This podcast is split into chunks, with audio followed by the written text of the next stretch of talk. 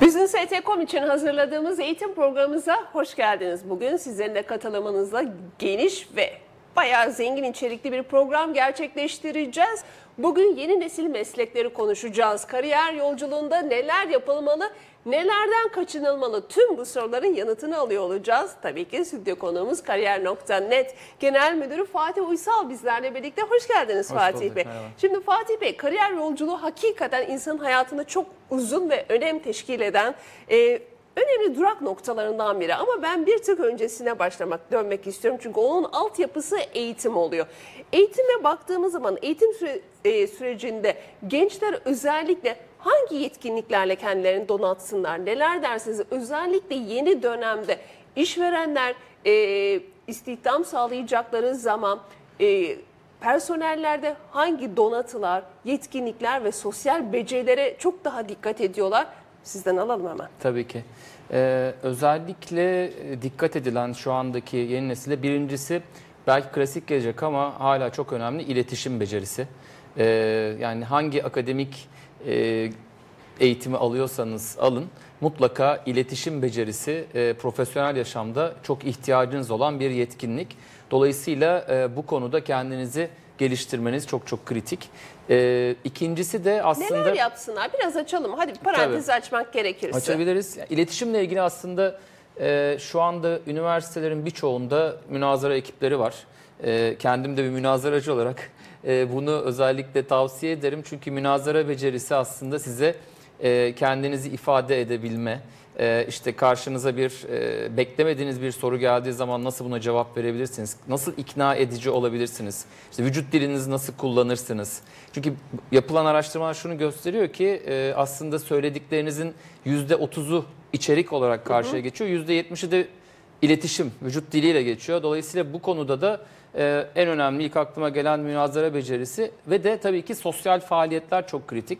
Yani sadece e, akademik derslere girip çıkmak değil, üniversitelerde özellikle ki her üniversitede mevcut olduğunu biliyoruz. e, öğrenci kulüpleri e, bu konuda büyük bir boşluğu dolduruyor. Çünkü öğrenci kulüplerinde gönüllülük esasıyla aslında farklı Evet. farklı dallarda tecrübe kazanıyorsunuz. Ben aslında diyorum ki sadece öğrenci kulüpleriyle de sınırlı kalmasınlar. Sivil toplum kuruluşlarında, Tabii örgütlerde yer alsınlar. Çeşitli spor faaliyetlerinde bulunsunlar. Çünkü yurt dışında hakikaten Amerika'da özellikle spor konusuna ve STK'larda çalışma konusuna çok çok dikkat ediliyor. Doğru. Peki Türkiye'de bu farkındalık başladı mı şirketler genelinde? Ee, geçmişe göre çok çok daha fazla. Şirket nezdinde de hem e, aslında öğrencilerin başvurabileceği hani eskiden belki benim Evet. üniversitede olduğum çağlarda sadece Greenpeace vardı veyahut da Akut vardı. Birkaç tane sosyal e, farklı bir işte sivil toplum örgütü vardı. Şu anda ise aslında çok çok daha fazla imkan var.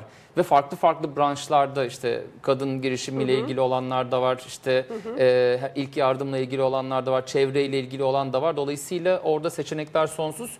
Hem işte e, öğrenci kulüpleri hem de sizin bahsettiğiniz gibi si- sivil toplum örgütleri mutlaka öğrencilerin kendisini geliştirmesi için çok çok önemli. bu anlamda gençler değil mi? Şemsiyenin yelpazesini çok geniş tutsunlar.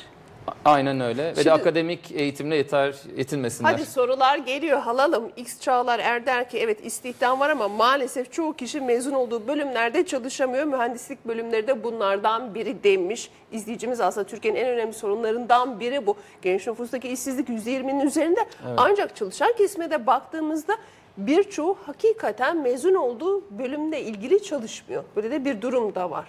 Doğru. Ee, ben bunu açıkçası büyük bir e, tehdit olarak görmüyorum. Çünkü e, şimdi günümüzde e, işlerin tanımları çok çok daha farklı. Eskiden işte e, mühendisseniz, makine mühendisiyseniz e, mezun olduktan sonra yapmanız beklenen makine mühendisliğiydi. Şu anda ise e, geçtiğimiz döneme göre çok daha farklı meslekler var. Yani e, Örneğin? Örneğin yazılımla ilgili birçok meslek var. Yani ki e, onu da demin bahsetmek istiyordum. Ee, öğrencilerin aslında kendisini geliştirmesi için hangi e, bölümde veyahut da fakültede okuyorsa okusunlar e, kodla ilgili, kodlamayla ilgili kendilerini geliştirmekte de çok çok büyük fayda var. Çünkü geleceğin mesleklerindeki ortak fayda bilişim. E, bilişim içinde yani mühendis olmanız, işletmeci olmanız veyahut da psikolojiden ki bizim kendi kariyer.net'te şu anda birçok farklı bölümde olmasına rağmen yazılım işi yapan arkadaşlarımız var. Dolayısıyla kendilerini bu alanda geliştirmeleri çok önemli. E, o yüzden oraya çok takılmamalarını tavsiye ederim. Yani ben mezun olduğum, benim mezun olduğum bölümde iş yok. değil. Aslında siz birçok şey yapabilirsiniz. O yüzden üniversite yaşamında farklı alanlarda kendinizi geliştirmeniz, yelpazeyi geniş tutmanız önemli. Ki mezun olduğunuzda da sadece belirli bir alana kısıtlı kalmayın. Evet, insanı geliştirmenin hakikaten yaşı sınırı yok. Evet. Şimdi kodlama eğitimi demişken Kuzey Avrupa ülkelerinde örneğin İsveç'te bu anaokulu seviyesinde başlıyor. Biz de Çok bunu doğru. ilkokul seviyesine çekmemiz lazım. Ah, dijital e, iklim izleyicimiz der ki şirketlerin deneyim beklentisi dolayısıyla işe girilemiyor ve deneyim elde edilemiyor. Bu bir kısır döngü. Ee, şimdi Bu bir- deneyimi nerede kazanabilir? şimdi e, Şimdi iş var. deneyimi de istiyorlar. Tabii stajlar çok önemli. Ee, Evet. Üniversite yaşamında demin işte öğrenci kulüplerinden bahsettik. İşte sivil toplum örgütlerinden bahset- bahsettik. Bir tane daha olgu var o da staj. Ee, dolayısıyla e, 4 senelik bir e, öğrencilik süresinde hani minimum 4 sene olduğunu düşünürsek e, en azından 3 senesinde mutlaka e, staj yapmanın e, faydası olacaktır. Çünkü şirketler tabii ki e, şimdi bizim verilerimize, bizim rakamlarımıza baktığımızda deneyimsiz, e, deneyimi olmayan e, adayları bekleyen şirketler de var. Yok değil. Ama onlar da şuna bakıyor. e, acaba öğrenci işte bu 4 senelik süreç içerisinde sadece derslere mi girip çıkmış yoksa yazlarını değerlendirmiş bir staj yapmış mı? Çünkü staj aslında klasik anlamda bir laboratuvar görevi üstleniyor. Dolayısıyla da stajda 2-3 ayda edindiğiniz bilgi daha sonra e, iş yaşamına hızlı başlamanız için çok kritik. Bunu e, tavsiye ederim. Şimdi soracaklarım var ama XQ Çağlar Er der ki evet çok şey yapıyoruz ancak az para alıyoruz. E, o tabii ki e, Şimdi, şimdi çalışanlar da hakikaten aldıkları ücretlerden e, memnuniyetsizlik oranı herhalde Türkiye'de en yüksek e, olan ülkelerden biridir diye düşünüyorum. sektörden sektöre değişiyor demek lazım. Her sektörde aynı olmadığını ifade etmek lazım. Bir de e, şunu da e, söylemek gerekiyor. Tabii ki bu bir basamak. E, sonuçta kariyeriniz belki 30 sene, belki 40 sene sürecek olan bir maraton. E, dolayısıyla e, ilk başladığınız seviyeden ziyade daha sonra e, işe başladıktan sonra kendinizi nasıl e, kariyerde ilerletebildiğiniz çok kritik. Dolayısıyla e, şunu söyleyebilirim. Aslında başlangıç maaşı kadar e, başlayacağınız şirkette e, maaş politikası nasıl bununla ilgili bilgi alırsanız o da faydalı olacaktır. Bunu şunu kastediyorum. Belki e, çok yüksek bir maaşla başlamayacaksınız ama şirketin doğru bir e, maaşlandırma politikası varsa belirli bir süre sonra kabul edilebilir bir seviyeye Örneğin geçebilirsiniz. performansa göre primleri Kesinlikle. sayabiliriz. Çok farklı artı Kesinlikle. ödülleri de sayabiliriz. Bu Doğru. çok yurt dışında, yurt içinde de kimi e, birçok sektörde de uygulanıyor. Şimdi sektörler demişken e, ben şunu da sormak istiyorum. Özellikle hangi sektörlerde daha yüksek maaşlı e, seviyeleri görüyoruz? Bunları da alabilir miyiz? Ee, şimdi finans sektörünü örnek olarak verebiliriz. İşte pazarlamayı örnek olarak verebiliriz ama şimdi bunda çok net cevap vermekten biraz çekiniyorum. Çünkü e, sadece sektör yeterli değil hangi şirket olduğu da yani e, işte ne kadar şirket kurumsallaşmış, ne kadar bir büyüklüğe ulaşmış, ne kadar karlı. Dolayısıyla örneğin pazarlamadan örnek vermek gerekirse e, her şirkette bir pazarlama departmanı vardır ama şirketin karlılığı şirketten şirkete değişebilecek bir unsurdur. Dolayısıyla e, şey demek çok genelleme yapmak da mümkün olmuyor. Ama Evet. şunu söyleyebilirim yazılım işi yine ona döneceğim ama yazılım konusu gerçekten Evet. e, eğer kendilerine bir madalya daha takmak istiyorlarsa e, özellikle yazılımla ilgili bir eğitim almalarında fayda var. Çünkü yazılım genelde bu e, kapsamın dışında çünkü bir e, kıtlığın olduğu tabiri caizse Evet. bir e, bölüm. Boş bir deniz hakikaten Boş bir deniz ve bütün dünya için böyle sadece Türkiye Hakikaten. için değil. Şimdi özellikle veri bilimcisinin önümüzdeki yıllarda, Evet. önümüzdeki süreçte çok kısa zamanda aslında önümüzdeki yıllarda demeyelim çok fazlasıyla ihtiyaç olacak. Timuçin Yedi der ki finans bilişim özellikle çok yüksek maaş alan ve sağlık sektörleri demiş. Ve kritik soruya gelelim mi? Kariyer yolculuğu içerisinde. Evet. Personel hangi davranışlardan kaçınmalı? Kendini geliştirmek adına neler yapmalı? Özellikle terfi konusunda, kendini geliştirme konusunda. Şimdi e, Öncelikle nelerden kaçınmalı? Bir çalışan. Açıkçası neler yapmalı diye cevap vereyim ben. İşte her zaman için öğrenmeye açık olmak ve e, herkes için geçerli ama özellikle kariyerine yeni başlayan arkadaşlar için bunun bir e, maraton olduğunu sürekli e, kafanızın bir kenarında tutmanız ve çok hızlı özellikle şimdi yeni jenerasyonda görülen bir davranış çok çabuk yükselme beklentisi. İşte şimdi Z jenerasyonu var biliyorsunuz. Dolayısıyla e, bunun bir maraton olduğunu ve e, kariyeriniz başladıktan sonra hemen birinci senede, ikinci senede e, bir sonraki basamağa geçmenin bir şart olmadığını hep insanın kendisine hatırlatması gerekiyor. Çünkü bu e, karşımıza çıkan bir olgu. E, bir maraton ve e, amacınız hemen hani ilk engeli bir an önce atlamak değil, tüm engelleri bir şekilde atabilmek ve doğru zamanda aslında ilk engelle karşılaşmanız. Çünkü şunu da unutmamak lazım. E, terfi ettikten sonra sizinle ilgili beklentiler de artıyor. O yüzden daha donanımlı bir halde terfi etmek sizin bir sonraki pozisyondaki e, beklentileri karşılamanız için çok çok kritik. O yüzden hani öğrenmeye açık olmak ve kariyerin en başında özellikle en çok e, çabayı öğrenme üzerine, anlama üzerine harcamak kritik. Peki Tebuçin 7 der ki iletişim becerisinden giriş yapmıştık. Diğer tavsiyelerini de alabilir miyiz demiş Fatih Bey. İletişim becerisi yine Evet. e, Hı hı. yeni mezunlar için e, soruyorsunuz. E, şimdi iletişim becerisi önemli. E, söylediğim gibi yazılımla ilgili kendisini kendilerini geliştirmek ve burada şu e, kısıt olarak kabul etmemek lazım. Ben bilgisayar mühendisliğinde okumuyorum dolayısıyla yazılım öğrenemem. Veyahut da ben işte felsefe sosyolojide okuyorum dolayısıyla yazılım benden çok uzak dememek lazım. E, sizin söylediğiniz gibi çok küçük yaşlardan aslında e, Avrupa'da bu eğitim başlıyor kodlama üzerine. O yüzden kesinlikle bir tavsiye verme hakkım varsa e, kodlama üzerine bir şeyler öğrenme, anlama çok kritik olacağını düşünüyorum. Çünkü e, bakıldığı zaman en hızlı büyüyen sektör bilişim. Sadece bilişim sektörünün büyümesi yeterli değil. Aynı zamanda şirketlerin eğer insan kaynakları eklerini okuyorsanız ve hatta hani takip ediyorsanız şu anda bütün 2018 beklentilerinde bütün holdinglere de bakıldığında, yabancı şirketlere de bakıldığında herkes iki kelimeyi çok sık kullanıyor. Dijital dönüşüm. Evet. Dolayısıyla bütün şirketler buna yani bu çimentoda yapan şirket de aynı şeyi söylüyor. Şampuan üreten de aynısını söylüyor. Dolayısıyla hani bunu bir aslında gelecekle ilgili büyük bir işaret olarak algılamak lazım ve dijital dönüşüm ve dijitalleşme ile ilgili e, kendini geliştirmek işte iletişim becerilerini örnek vermişim. Bunu iki, ikinci olarak söyleyebilirim. Çok çok kritik. Fatih Bey şimdi Tabii. masanın diğer tarafına geçelim mi? Tabii. Tamam. Evet çalışan kendisini geliştirecek, donatacak Evet. dedik. Bunları konuştuk. Özellikle ne hangi sektörle olursa olsun kodlama ve yazılım öğrenmeli dedik. Sivil toplum örgütlerinde eğitim sürecinde çalışmış olmalıdır dedik. Peki diğer tarafta işveren tarafında özellikle istihdam piyasasındaki sizce eksiklikler neler? İşveren neler yapmalı ki çalışanın motivasyonunu yüksek tutsun? Çalışan o şirkette bağımlı ve sürdürülebilir bir geleceğini görsün. Tabii birçok yani bir insan kaynakları politikasının olması işverenler için çok kritik.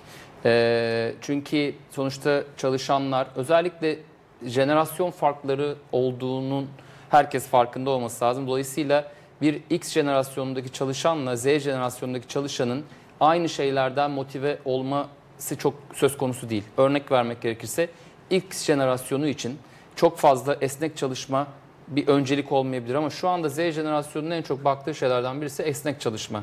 Yani acaba ben işte e, haftada bir gün evden de çalışabilir miyim? Veyahut da tamamen 8-5 çalışmak zorunda mıyım? İlk başta insana e, çok böyle ters gelebilir ama bu beklentiyi karşılamak da diğer şirketlerin arasında sivrilebilmek için önemli bir e, etken olabiliyor ki bunu baktığımızda e, şirketlerin gittikçe daha fazla e, örnekleri Türkiye'de de var. Uygulamaya başladıklarını görüyoruz. Esnek çalışma sa- saatleri. Özellikle işte yurt dışından başlayan bize doğru ulaşan bir dalga bu anne babaya verilen işte yeni doğmuş çocuğu olan ailelere verilen haklar, babaya da izin verilmesi, anneye işte izin sürelerinin uzaması gibi aslında biraz e, insan kaynakları politikası ve o insan kaynakları politikasının çağın gereklerine uygun hale getirilmesi e, sizin sorduğunuz soruya doğru cevap olacaktı diye düşünüyorum. Şirketlerin kendisini bu dönemde de doğru adayı ve doğru yeteneği çekmesi için önemli. Ee, özellikle izleyicilerimiz der ki çok yüksek uzun saatler çalışıyor ama bununla gereken mesai ücretleri de ödenmiyor. Bu önemli bir motivasyon kırıcı bir durumdur demiş izleyicilerimizden biri. Şimdi e, sizlerden çok daha fazla sorular bekliyorum. Sizce nedir peki? İşveren özellikle çalışanı motive etmesi açısından hangi şartlar olmalıdır? Bunu da konuşacağız. Peki gençler özellikle şimdi kariyer.net içerisinde milyonlarca CV kuşkusuz vardır. Doğru. Şu dönemde hangi meslekler daha çok tercih ediliyor?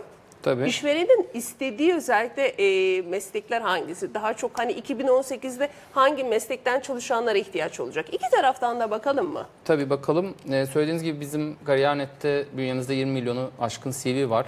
Ee, çok ciddi işte 100 milyonu aşkın başvuru gerçekleşiyor bir senede. Dolayısıyla hani verilerimiz bayağı bir aslında nelerin ne olmakta e, olduğunu göstermesi açısından önemli. Şimdi en çok e, yeni mezun alım yapan sektörler diye başlayalım. E, 2017 yılını rakamlarını veriyorum. E, çok yeni geride bıraktığımız için. Hizmet sektörü en fazla e, alım yapan sektörlerin başında geliyor. E, ikincisi sağlık sektörü. Aynı şekilde bizim verilerime bak, bak- verilerimize bakıldığında ikinci sırada.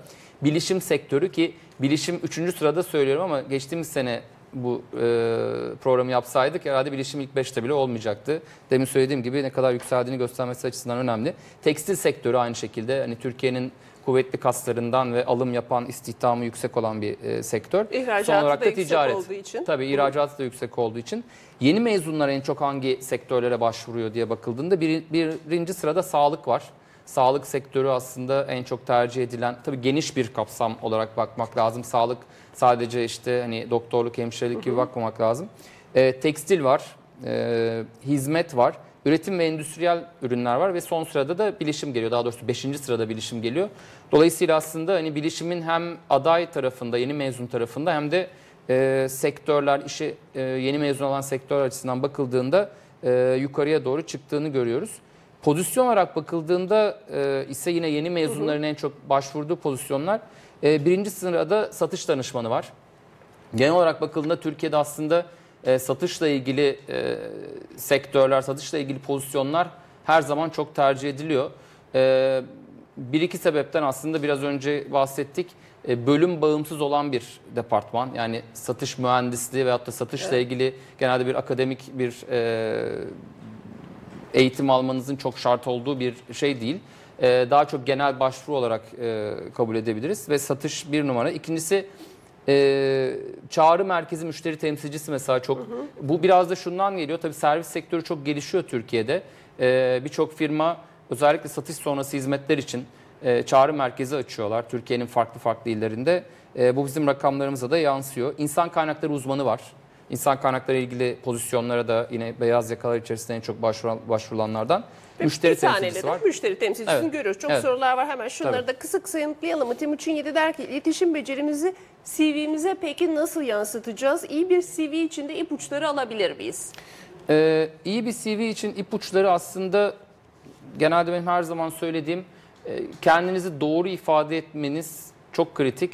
E, ama bunu söylerken de hani e, iyi bir CV aslında bir sayfada kendisini anlatabiliyor olması lazım. Çünkü CV'nin amacı şudur. CV size işe aldırmaz, sizi mülakata taşır.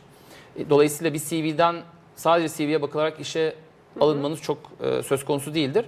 İyi bir CV sizi e, işverenle tanıştırmayı sağlar, tanışmanızı sağlar. Bu bilinçle hareket ederek CV'de her şeyi anlatmayıp biraz e, anlatacaklarınızı da mülakat safhasına bırakmanız lazım ve de en önem, önemlisi de sizi farklılaştırdığını düşündüğünüz şeyleri mutlaka koymanız lazım. Aslında ilk başta söylediğiniz örneğin e, bir sivil toplum örgütünde çalıştınız. Bunu mutlaka CV'de belirtmeniz lazım. Çünkü gittikçe e, üniversitelerin gerçekten çoğaldığı e, ülkemizde kendinizi farklılaştırıcı şeylerden birisi gittikçe daha az üniversite eğitiminiz oluyor. Yaptıklarınız daha da öne geçebiliyor.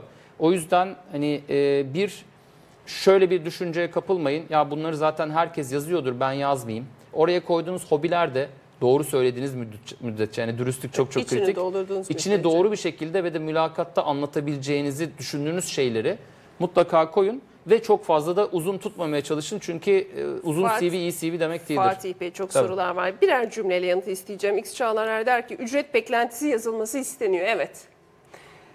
Kariyerde yazınca acaba yüksek yazınca beklentilerin üzerinde mi kalmış oluyoruz? Burada nasıl davranmamız gerekir? Ee, benim görüşüm ücretle ilgili bir durumu en son mülak yani kabul edildikten sonra konuşulması gereken bir e, yani bir teklif aldıktan sonra konuşulması gereken bir konu. O yüzden e, beklentiyi çok yüksek tutmak e, elemeyi geçmemenize yol açabilir diyebilirim. İyi bir okul mu yoksa deneyim mi daha önceliklidir? Süremiz de tamamlanıyor. İkisi de ikisi de önemli. Yani, İkisi de evet. önemlidir diyorsunuz. Ücret beklentisini sormuştuk Ee, ve insan kaynakları bir CV'nin ne kadarını inceliyor demiş izleyicimiz. İnsan kaynakları e, genelde yine şirketten şirkete belirli filtreleri var. Bizim sitemizde de filtreler uygulayarak eğer baktıkları deneyimse deneyimle ilgili e, tarafı öne çıkarak eleme yapabiliyorlar. Yani şunu söylemek çok doğru olmaz. Bütün hepsi okunuyor ve ona göre karar veriliyor değil. Belirli filtrelerle karar veriliyor. Çok çok teşekkür ediyoruz bu bilgilendirme için. Evet bugün Kariyer.net Genel Müdürü Fatih Uysal bizlerle birlikteydi. Business HT eğitimin bugünlük burada noktalıyoruz.